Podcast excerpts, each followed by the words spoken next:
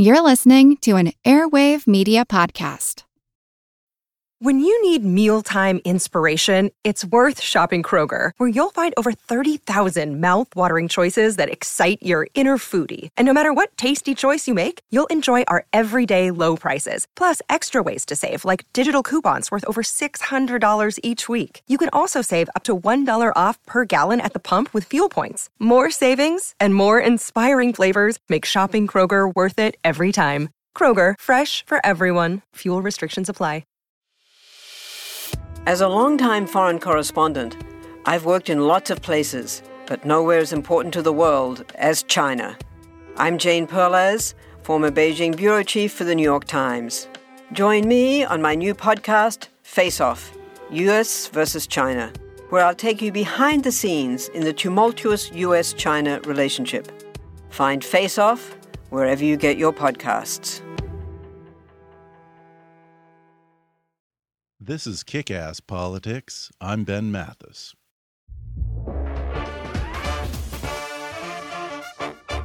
Hi, folks. Ben Mathis here with just a couple of quick announcements before we start the show. We're in the midst of our GoFundMe campaign to cover our production expenses for the coming year. And if you can, I'd like to ask for your help. I'm trying to raise our full production budget for 2016 by the end of this year, pretty much by Christmas time. So if you're enjoying the show, if you're getting something out of all this that I'm doing, then let me know by going to gofundme.com backslash kickasspolitics. Or you can go on our website at kickasspolitics.com and click the donate button. It's a chance for you, the listener, to participate in what I'm creating here. And there'll be some fun rewards for donating, chances for you to interact with me and the show more, and all sorts of neat stuff. You can give $5 or $500. Every little bit counts. And it shows me that kick ass politics isn't just falling on deaf ears out there in podcast land. So let me know you hear me. Go to gofundme.com backslash kickasspolitics or go to our website at kickasspolitics.com and click on the donate link. Another way you can help out is by going on your Facebook page or Twitter to recommend kick ass politics to your friends, followers, minions, or whatever you call those people who like your vacation selfies and comment on your social media rants. And if you do this for me, each week you'll be entered to win a signed copy of a book by one of my recent guests. Now be sure to include a link to the podcast on iTunes so your friends can subscribe, and don't forget to tag us in your posts so we know that you participated and we can include you in that drawing. And if you really want to get ambitious and double your chances of winning, then promote the show on both your Facebook and Twitter. In fact, you'll be entered to win for every time that you recommend kick ass politics to your friends on social media. So make your friends my friends. Just help me gain some new listeners, and you'll have a shot at winning a cool prize every week. Thanks a lot, folks. And now, enjoy the show. Hi, I'm Ben Mathis, and welcome to Kick Ass Politics. Every day, about a million and a half people view the online news show The Young Turks or any of over a dozen shows produced or affiliated with the Young Turks network. The Young Turks is the brainchild of Cenk Uygur, who founded TYT in 2002, and since then it's become the world's largest online news show with over 2 billion YouTube views. On today's podcast, I'll visit the Young Turks studio in Culver City, California, to talk with the creator Cenk Uygur and his co host on the Young Turks Daily News Show, Ana Kasparian. Plus, I'll talk with John Iadarola, co host of TYT's Think Tank. We'll talk about the future of news in the digital age and why TYT's irreverent mix of political news and entertainment is catching on with millennials. We'll also talk about filibustering judicial nominees, Trump on SNL, the American immigrant experience, and much, much more coming up with the Young Turks in just a moment.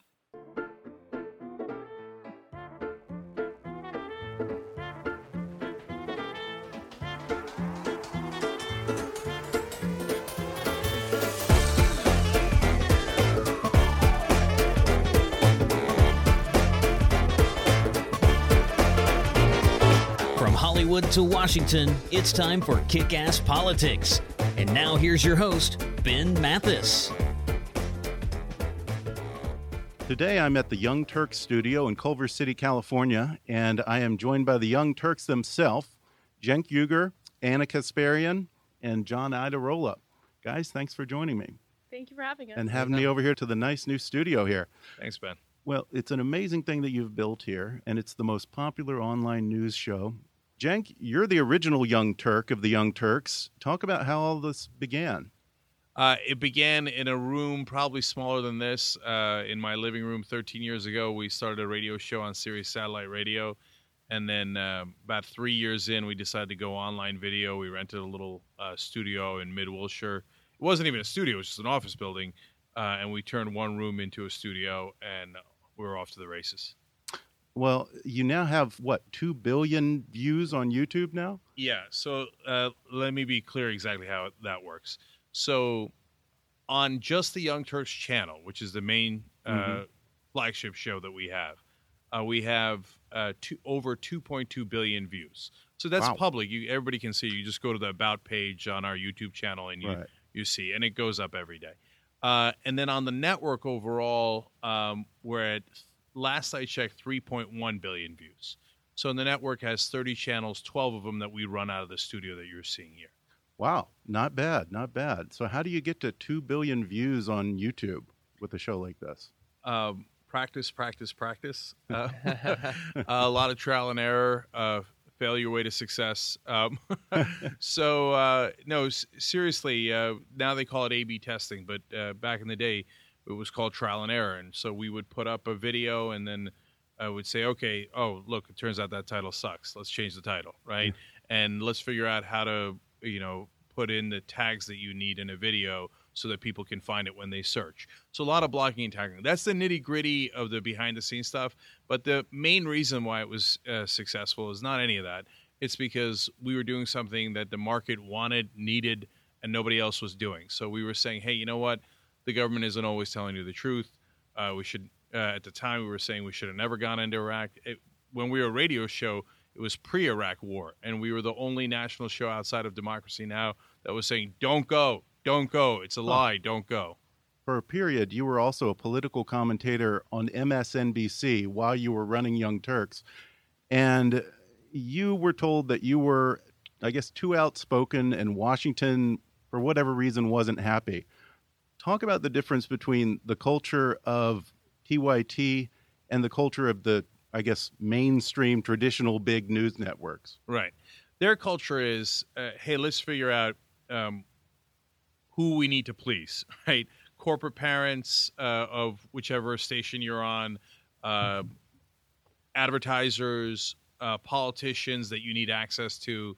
So here at the Young Turks, the only people we're trying to please is the audience. So that gives us a huge business advantage among other things, right? If they're not, if they forgot that they're supposed to appeal to the audience, and we remember that, well, obviously we're more likely to get the audience. That's why we're routing them on the internet. That's why they have no chance against us in the online world. The only reason why those old media guys are still around is because they have this enormous infrastructure on television that gives them a revenue advantage, right? Uh, but that's gonna, you know, slowly recede over time. It's receding right now. In fact, they're in a lot of trouble right now. So the the culture of be careful, be careful, don't offend anyone. Oh no, no, no, please, please don't say anything bad about politicians is an anathema to what we do here. We, they view them as honorable gentlemen. We view them as paid spokespeople for their donors. So that's true of Republicans, very largely true of the Democrats. So we don't give a damn about those guys. And when you say that, you know what happens? The guy in the audience goes, "Oh my God, that's what I've been thinking. Yeah. that's totally true." Ana and John, you both came straight to TYT right out of college, and you co hosted TYT University. What was it about the Young Turks that intrigued you rather than, say, applying for a gig at one of the one of the mainstream traditional networks? Well, I didn't come to the Young Turks straight out of college. I actually Okay. worked for um, a CBS affiliate in Los Angeles called KNX. Okay. Um, and I hated it. so, I mean, I, no disrespect to you know the news team that works there, but it was very different from what I envisioned myself doing um, in the field of journalism and in media. And so I just felt like there were these old school rules that were keeping me down. Like, of course, paying your dues, which you you have to deal with to some extent at TYT. But I wanted to I wanted to be able to speak honestly about the news and not worry too much about seeming objective and and you know seeming like I'm neutral on everything, right? I knew that Mm-hmm. there was truth to every story and I wanted to report the facts, but also let the audience know what the truth was. So at that time, you know, uh, it was during the Bush administration, all these terrible things were happening with torture, the war in Iraq, uh, you know, the surge in Afghanistan, and no one was speaking about it honestly, which is why I came to the Young Turks. Um, a co- colleague at CBS approached me, told me that there was a temporary position at TYT, and I was interested because I was trying to save money to go to Europe. So I decided I'd work this Really? temporary job as a second job, and after the two weeks was up, I'd be on my way. I came into the studio, saw Cenk do uh, the show, and when I saw how honest he was and how unfiltered he was, I realized that this was a place that I wanted to work at full time. Did you ever make it to Europe? I did. I went to Europe for a month. Oh, that's good. Yeah. Oh, good. Okay. How about you, John? Uh, I actually had no interest in being involved in the media in any way. I'd never done any TV or radio or anything like that. I was in undergrad. I was a political science major, and uh, eventually I went on to uh, a, a graduate program, a PhD program in government at, at UT Austin.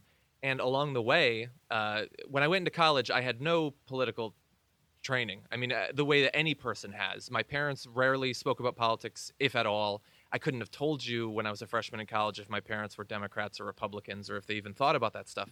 Uh, I had sort of been developing my value system as people do, reading books. I remember reading a book by Rush Limbaugh when I was really young, like 13 years old. I read this book by him, and it made a lot of sense at that point.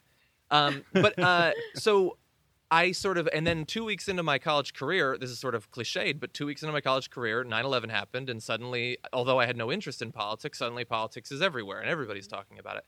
And uh, so I started taking the sort of gen ed classes that you do. And um, around this time, uh, the Young Turks was on Air America Radio, and I came across that. Podcasting was starting to pick up. And so, amongst a number of other shows, I suddenly started to listen. And this was sort of my. I, I, I, the revelation that this world exists, that there are people who think the way that I do. I had never had any interest in watching uh, cable news or anything like that. And so as I went through my training to become, a, I wanted to be a professor of political science. I wanted to write about politics. The whole time I was listening to their show and uh, and loving it and spreading it to my friends. And a- at some point, they uh, they wanted someone to contribute uh, for the, the university channel, and I was such a huge fan. I was like, well, if I can get them to mention my name on air, I'll do whatever it takes. And uh, eventually, uh, after about a year of submitting videos on my own, it became a possibility. But even when I started working here, it wasn't to do any on-air stuff. But this is so. uh, As I said at the beginning, I had no interest in being involved in the media or being a political commentator or anything like that. I only had an interest in being involved in the Young Turks. As millennials, do you think that millennials no longer have a, a taste for hard, not hard news, but straight news? Look at the Daily Show and all these, and what you're doing here. Do millennials prefer to have their news in entertainment form? I don't think there's really any such thing as straight news. Um, No. I think that Traditional news, Dan Rather. Yeah, you know. so traditional news, it had its place, it had its time, but I think that it's now an, an antiquated concept. And the reason why I say that is because we all have our biases. Uh, we all have our political leanings, and to go on air and pretend like you have no biases is ridiculous. I think that that's actually being very deceptive to your audience. It's another thing when you have your political leanings, but you're willing to report the story, you know, as factually as possible and then you share what your comments or your opinions are. I mean, that lets the audience know exactly what they're getting and who's reporting the news to them. Um, because here's the thing when I was in journalism school, I remember objectivity was emphasized quite a bit. But I remember some of the professors saying, well, if you have a, a leaning and you kind of want to get that point across, you could do it by interviewing certain people who agree with you, and then you can mm. use their quotes. So the biases, the biases get out there, Yeah. Uh, you know, and and so all of this BS about Yeah. like, oh, we're we're objective. No, you're just trying to be neutral. Um, and in the process of doing that, sometimes you kind of hold important mm. information back from your audience. It- Go ahead. Well, and also the, the idea of being neutral, of trying to establish that there are two sides generally, and you're going to reveal what both sides think. That is so. It has so many inherent flaws. Most issues don't have two sides; they have Yeah. three or five or ten different sides. Uh, the idea that they're all equal, that they all come from uh, an equal position in terms of research, in terms of authenticity, is by itself, I think, uh, ridiculous. And, and also, and so I, I lectured uh, a little bit on media at UT, and one of the things that we try to teach uh, the students there was that while the the old school news broadcasts would avoid the bias of being clearly liberal or conservative, there were still all sorts of other biases that they had. They had a, a, an instinctive, necessary business bias towards supporting the establishment, towards supporting the people who are paying who are paying their paycheck. I mean, those are sorts of biases that I would say are every bit as distorting as being kind of liberal or kind of conservative. Well, yeah. So you would say that Young Turks is honest in in that it is opinionated. Absolutely. I mean, I, I think that that's our it. brand. I remember someone asking me a few years ago, like, "What's your brand? What like what what are you known for? What do you do?" And I remember being kind of like freaked out about it because from a marketing standpoint, it's good to have a so-called brand. I'm like, I don't know, am I like a a women's issue political commentator? Is that my brand? Then I realized, no, honesty is our brand. Yeah. Um, we're honest with our audience, and I think that's the best brand to have. and we also I- mean we we don't and we don't really see ourselves as primarily the people who deliver the, the, the basic information of a story or that that we're going to cover every important piece of news and we we tell people constantly not to trust the things that we say to have multiple sources of media uh, that you use on a day-to-day basis just like we do.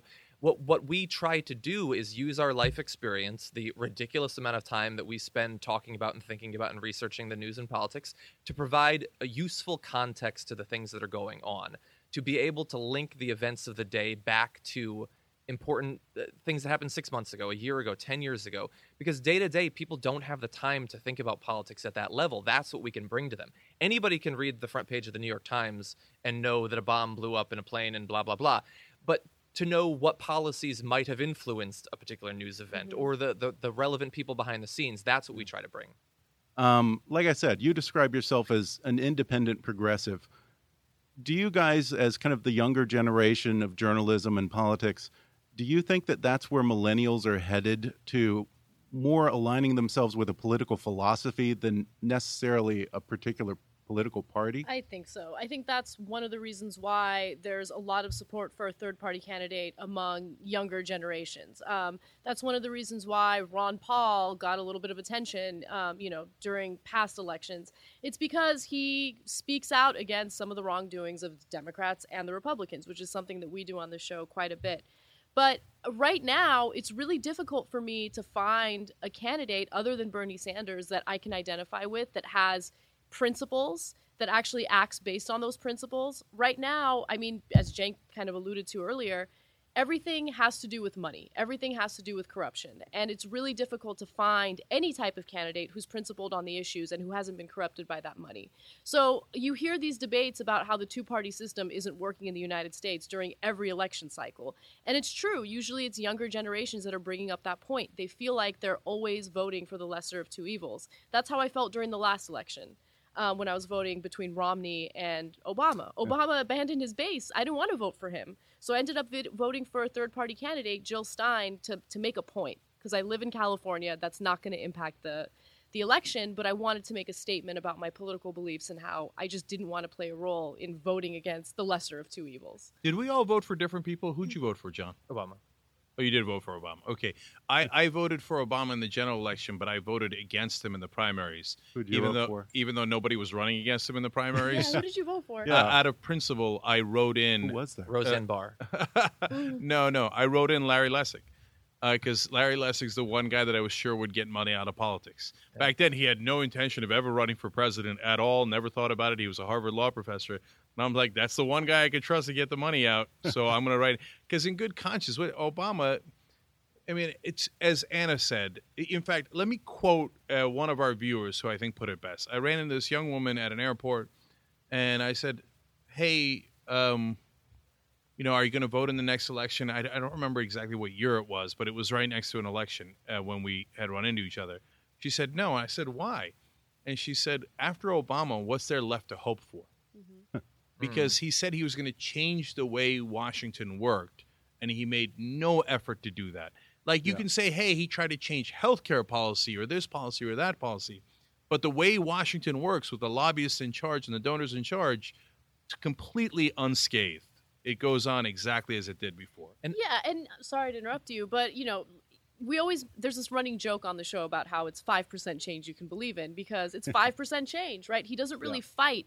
And the affordable care act is a perfect example of that. So the affordable care act is something that republicans should be applauding because it's forcing people to buy into private insurance right? Mm-hmm. you don't buy into the private insurance? Well then all of a sudden you're going to get harmed when you you know do your taxes. You're going to get penalties or whatever.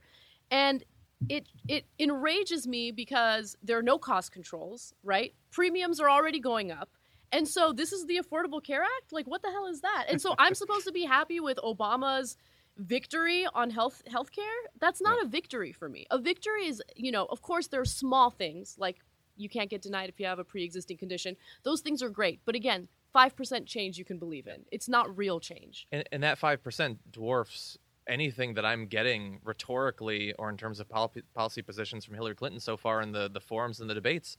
Obama, I think, deceived us to some extent about what he actually either wanted to do or realistically could do if he became president. But Hillary isn't even, she's not even implying that she has any grand plans. Yeah. I think that in the same way that Trump is sort of just saying, I am rich, support me, she's coming in and saying, uh, look, you, you know, you know, I'm probably going to win anyway. I can just grind this thing out. I don't, I, as long as I don't rock the boat, I'm probably going to make it through the primary, if not the general election. And I think that a lot of people uh, justifiably are excited about the prospect of a female president. They have some uh, affection built up for Hillary Clinton and the Clinton name over the past two two decades, but she hasn't done anything to earn the support that she has right now, even in terms of deceiving us the way that Obama did. I think that we uh, just missed it. You know, all those change placards. Uh, I think he had other placards built called Pocket, so it would be pocket change. yeah. And he just never brought out one the, and the other. Pocket yeah. yeah. So a lot. It sounds like everyone kind of feels gypped here. So yeah. Well, we're going to take a quick break, and then I'll be back for some more with the Young Turks. Back in just a moment.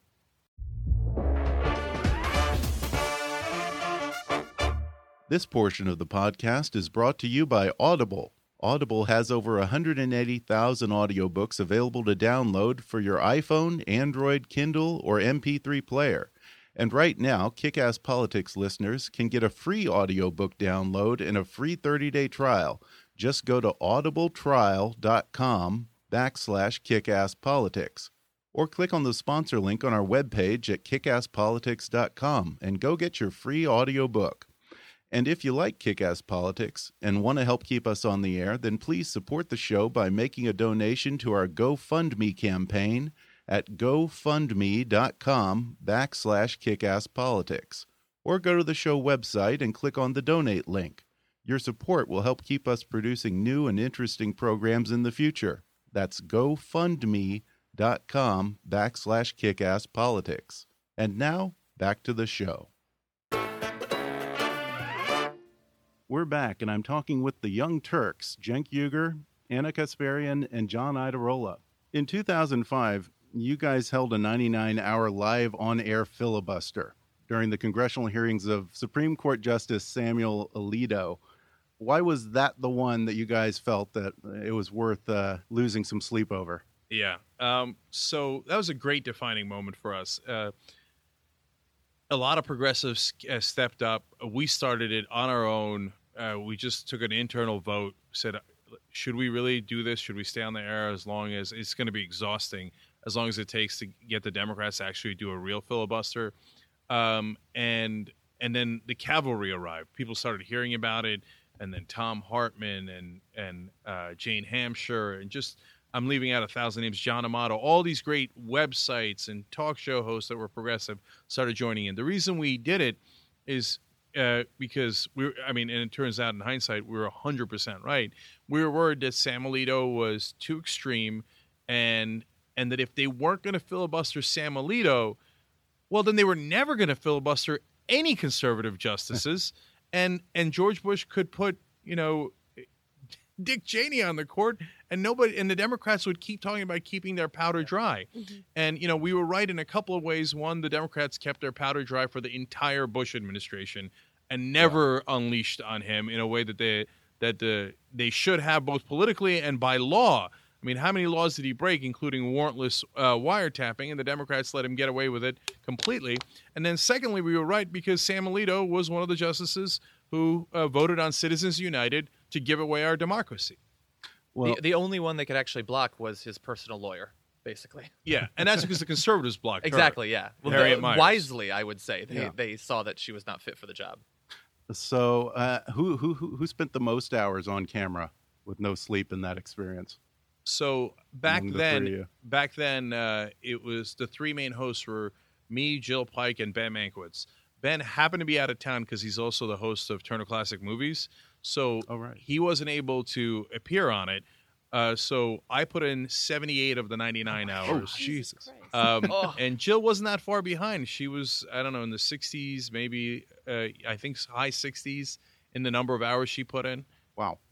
Uh, I wonder is that a is that a record bigger than uh, any any any filibuster in the Senate? Do you think? Do you know how, how I does that don't know. compare? That's a good question. Well, I don't know. Rand Paul just had that epic one over the uh, the budget deal that lasted 20 minutes, Yeah, and he actually yeah, called what it a filibuster. What happened to the filibuster? It used to be Jimmy Stewart going on for like Yeah. 24 hours or something. Filibuster doesn't seem to mean anything anymore. we, we did a final judgment, one of our like definitive, like this is what you need to know about this issue uh, videos about that. That it, uh, regardless of whether you think there should be a filibuster or not, if it should have developed the way it did through the history of the Senate, it while we had it, it meant something and it represented something. It represented uh, an attempt by the minority to to stop something terrible from happening while risking your own political reputation by standing in front of the country and stopping all activity. But now you use it for everything. You risk nothing because generally you don't even stand. You just say, Right. "I will filibuster," or you, you don't you don't actually even filibuster. Rand Paul didn't filibuster. He asked for 20 minutes to speak, and they gave it to him. That's a speech and a short one at that, not a filibuster. Yeah, not at all. Well, do you guys see anything else on the political horizon short of a Trump presidency that might be filibuster worthy? Well, look, uh, all, all of these guys are are painful to think about as president on the Republican side, let alone Hillary Clinton, right? So, uh, Oh, you're anti-Hillary too? yeah. Oh, Uh, okay. So, wish us luck. Uh, yeah, yeah, good luck with that. okay. So, look, Hillary Clinton, just like Barack Obama, is the establishment, right? Mhm. So, if you want things to continue as they are, and a lot of people do, then vote for Hillary Clinton, and she'll continue things almost identical to what they are today, right? Uh, and if you're powerful, you're rich, you should love that. I mean, the, these rich guys uh, that are fighting against Hillary Clinton, uh, their greed knows no bounds. Because she says, I'll let you keep all your money exactly as it is today. You're already won. And they're saying, No, I want more. I want more tax cuts. I want more deregulation. I want to be able to pollute more. I want to be able to cheat more on Wall Street. I want to keep more of the money I cheated to, to win in the first place, right? And they're likely to get more of that even with Hillary Clinton because she'll almost Right. certainly be facing a Republican Senate and, a- and a House as well. Yeah, they already bought the Senate and the House, so Hillary Clinton has no chance of getting anything done. Anyway, uh, if she were inclined in that direction, and she's not inclined in that direction, so yeah, I mean, Ted Cruz, though, out of all of these uh, parade of horribles in front of us, right, is in both senses of that phrase, um, is the is the worst demagogue, and and I think that he actually has a chance of winning. And I mean, you can't filibuster a presidential candidate, uh, but if if I could stop one guy, uh, I'd stop Ted Cruz. And I think that if you're a Republican out there and you think like, oh, that means I should support Ted Cruz because these libs don't like him, right? no, no, no, you're missing the boat. John Kasich has a, a decent point to make about uh, what he did with the budget in Ohio, what happened with unemployment in Ohio. You want to support a reasonable Republican who you think has had success. I understand going towards Kasich. I'm not trying to stop uh, the strongest Republican from winning, right? no, Cruz is a dangerous, dangerous guy. And he's going to be dangerous to the Republicans as much as he is to the Democrats. And by that, I mean, I don't care about the po- political parties, as you can tell from this conversation.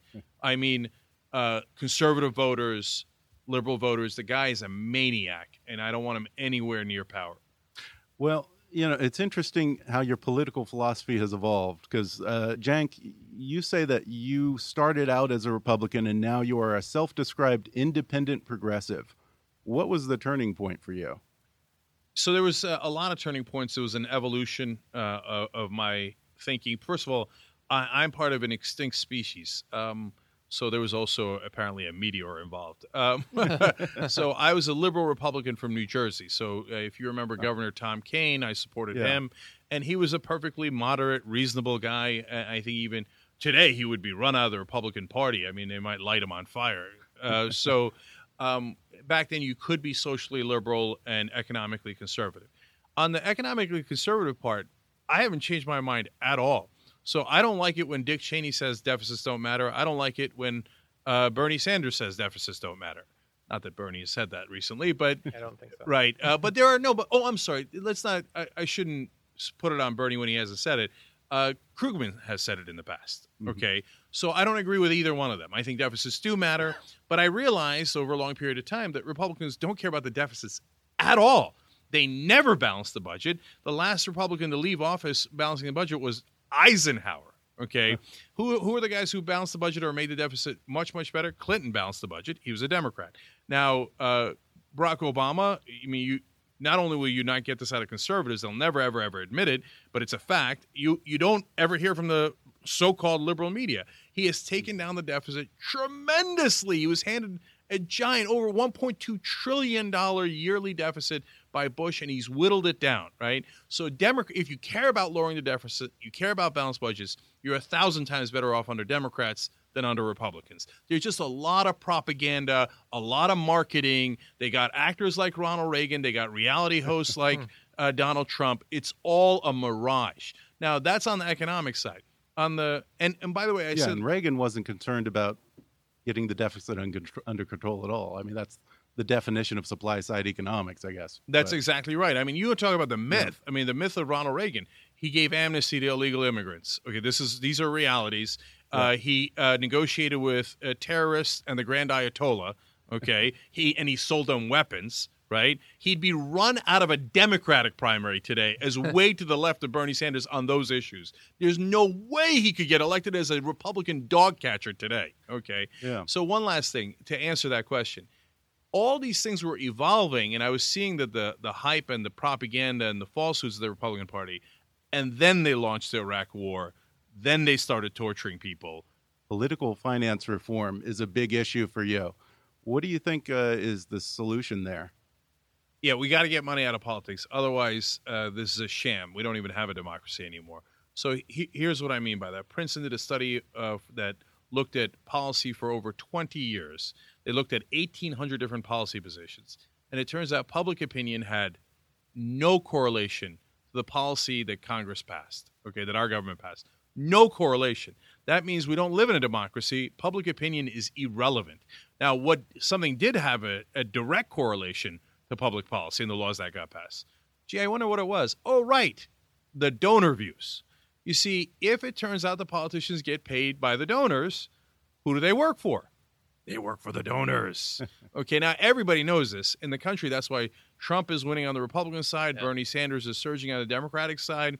That's why when Bloomberg did a poll recently, 83% of Democrats and 80% of Republicans said money is corrupting politics. It's the biggest no brainer. The only people who don't acknowledge it are the bought out politicians and television that mainly gets all of that money in TV advertising. and five Supreme Court justices. Right, and the five Supreme Court justices who were put on the court by corrupted politicians uh, who took that donor money in the first place and told them, "Hey, listen." And by the way, even some of the liberal justices vote with corporations more than they have ever done before. Because Clinton and Obama will be proud. They'll say, "Oh, I got a Latino women, and uh, give me credit, and they're great on social policy, and they are." Uh, but then, oh, uh, don't worry though, they're very pro-business. No, no, that's exactly what I am worried about. So should I take this in, as an endorsement of Trump then? Anyone? Uh, Anyone? well, uh, I'll tell you what. Uh, that's the media is ignoring the number one reason that Donald Trump is successful. Uh, you know, of course, he's got the braggadocio. He's entertaining. Uh, but the real reason why he's uh, succeeding is because he's saying, "Hey, I'm not bought like these guys. I know because I'm the guy who used to buy him." and, and I would I would hope that when he finally flames out, if he does flame out, that the people who have become engaged with the primary in a way that most of them probably haven't in the past, who see something in Trump that they like, some some authenticity or whatever, hopefully they'll retain that hunger for an authentic personality. The, the, the only tragedy really is that behind so he he's freed from the influence the corrupting influence of money other than his own to say what he really believes the problem is that he doesn't actually have much behind his personality behind his reality star appeal And hopefully in the future, the Republican voters will say, we want that authenticity, but behind it, we want someone with a coherent vision for the future, for the world, for the country. Did any of you see uh, SNL this weekend? Any No. thoughts on Trump not. on SNL? No. I've read Uh. quite a few of the reviews, but I haven't watched it. Uh, the reviews were very good to Larry David. Yes. I, I thought Larry David way outshined him. He was terrific as Bernie Sanders. He's a natural. Uh, that was the Andy uh, gets an extra five grand now. I, I wonder like if they'll actually it. pay out on that. They said they will. oh. Yeah. Uh, He he's doesn't prob- need it. Yeah, he's the, the guy in the country who probably needs it the least. Uh, but I think that Bernie Sanders was the role that Larry Sanders was born to play. Exactly. yeah. Um, well, let me ask you about another issue that's become huge in this election. Cenk, you immigrated here from Turkey when you were just eight. Ana, your parents are Armenian immigrants. Has the experience of being first and second generation Americans in any way informed or influenced what you're doing here at Young Turks? And what do you think about how ugly the immigration debate has gotten this time around? Well, just to kind of touch on the second part of your question, Cenk mentioned how Trump appeals to a lot of voters because of the fact that, you know, he isn't taking campaign donations. Yes, that's part of it, but I think another thing that resonates with a lot of Americans is his hatred for immigrants, right? And and the propaganda against immigrants has been so significant and so severe that there are people out there who are willing to fight one another instead of fighting the system that's keeping them down, which drives me insane. Um, watching my parents come here i mean i didn't watch them come here but they came here with nothing okay and they didn't come here because they wanted to get involved in crime and to, to destroy the country right That's they, just they how weren't it turned rapists out. and murderers? not rapists and murderers they came here because they wanted a better opportunity not only for themselves but for their family and so think about how much courage it takes to leave behind everything you know to go to a Yeah. foreign land where you know no one, where you have nothing, and to build everything from the ground up. That's what immigrants are trying to do. And for someone like Trump to demonize them and make them seem like they're all rapists and criminals, especially if they happen to be Mexican, is so ridiculous and so disgusting. And the fact that he has a fan base based on those hateful comments makes me realize that our country has a long way to go when it comes to civility and even e- education on on the issues. yeah. So I mean, look, uh, let's take uh, my dad as an example. Right now, Trump would say, "No, no, no. He's the guy that I built the door for. Uh, He's a successful businessman. You know, eventually owned uh, property like Trump owned a couple of buildings in New Jersey, but he didn't come here that way. When he came here, he had no money. He would literally sell pots and pans. He was old school uh, on the streets of Hoboken. He tutored uh, people, kids in math when he barely spoke English, right? And so when he first came, he was poor as poor can be. And they would have want Trump would have thought that's the first guy we keep a Muslim guy coming in here poor. I mean, God knows what he's here for. Trump has literally said that about refugees coming in from the Middle East, right? Yeah. And another guy he would have kicked out is uh, uh, Steve Jobs' dad, who was a uh, an immigrant from Syria, right? Right. Would have kicked him out. We would have never had Apple. We wouldn't have had the my dad set up the successful business that he did. And so, look, it's called the American Dream. If you read the Statue of Liberty, it doesn't say "Give me your rich." and kick out everybody else. It says, Give me your poor, your wretched refuse of the world, and I will open up that golden door for them. Yeah. That's the point of America. And these guys, they're the ugliest people on earth. I mean, you why don't we support Donald Trump, right? I mean, so you're right. You keep money out of politics, kind of. He's not going to do anything about it. He just says, "Oh, I'm not taking any," Yeah. right? because he doesn't need to. But he's he's he's opened the door to fascism. I mean, they beat up a Latino guy at one of his protests. I mean, one of his speeches the other day. The oh, crowd hear did about that. and they're ch- and the crowd is chanting USA USA while they drag the guy out of the room. Trump doesn't do anything about it, right? So he's opened up a really vile Pandora's box. And what I used to say is, hey, like I know I hate I know that some conservatives, some right wingers hated that a Mexican immigrant, a Muslim immigrant, anyone who they don't like, once they become a citizen, they're 100% American.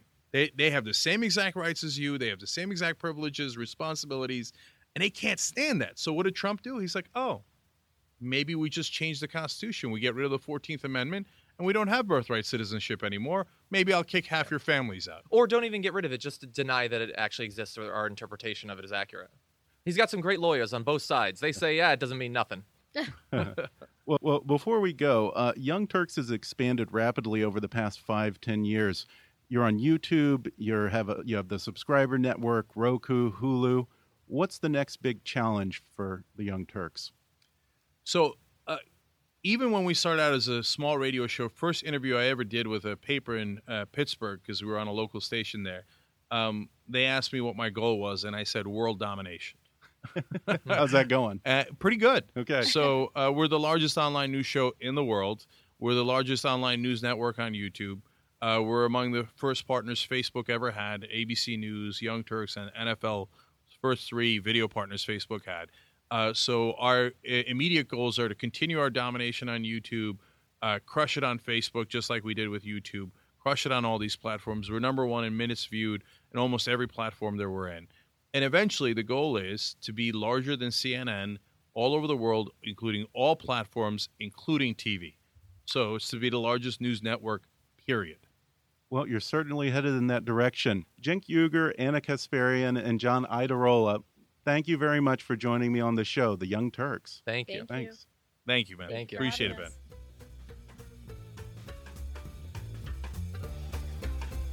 Thanks again to Cenk Uygur, Ana Kasparian, and John Iadarola for having me over to the Young Turks studio for a chat today. You can watch the Young Turks on YouTube or at tytnetwork.com.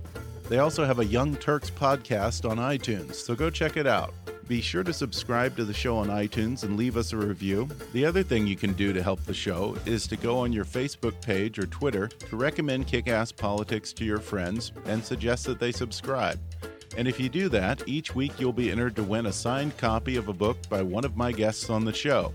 So be sure to tag us when you do so. You can tag us on Twitter at, at KAPolitics, or our Facebook page is just Kickass Politics. And as always, I welcome your comments, questions, gripes, and suggestions at comments at kickasspolitics.com. But for now, I'm Ben Mathis, and thanks for listening to Kickass Politics.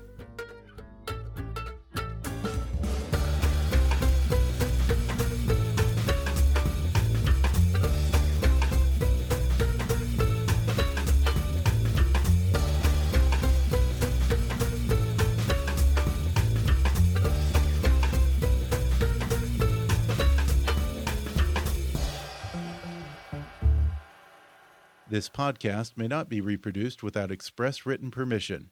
Kickass Politics is a trademark of Mathis Entertainment, Inc.